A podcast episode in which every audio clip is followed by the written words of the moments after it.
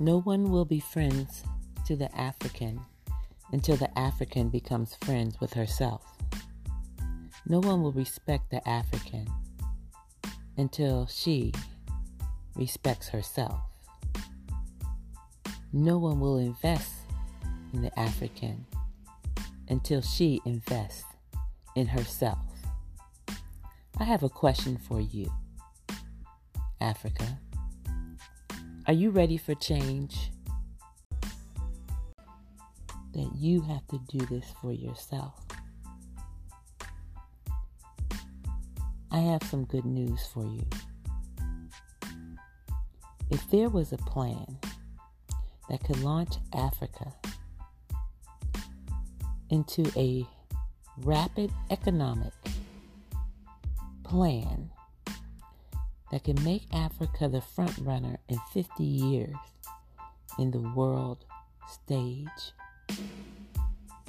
If that plan would end Western dominance and Chinese imperialism, and that plan that could create a new capital system and will put resources into the hands of entrepreneurs and businesses, and a plan that will increase the quality of life of every African man, woman, and child by providing industry, education, food sustainability, housing, medical facilities, while maintaining African identity and culture and uniqueness and heritage.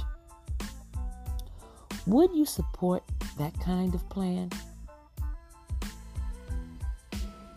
Well, I have good news for you, fellow Africans. Such a plan has been developed and is about to hit the ground running. It's called the Rapid Africa Plan and is based on the book by Professor Huntington Mobiawa.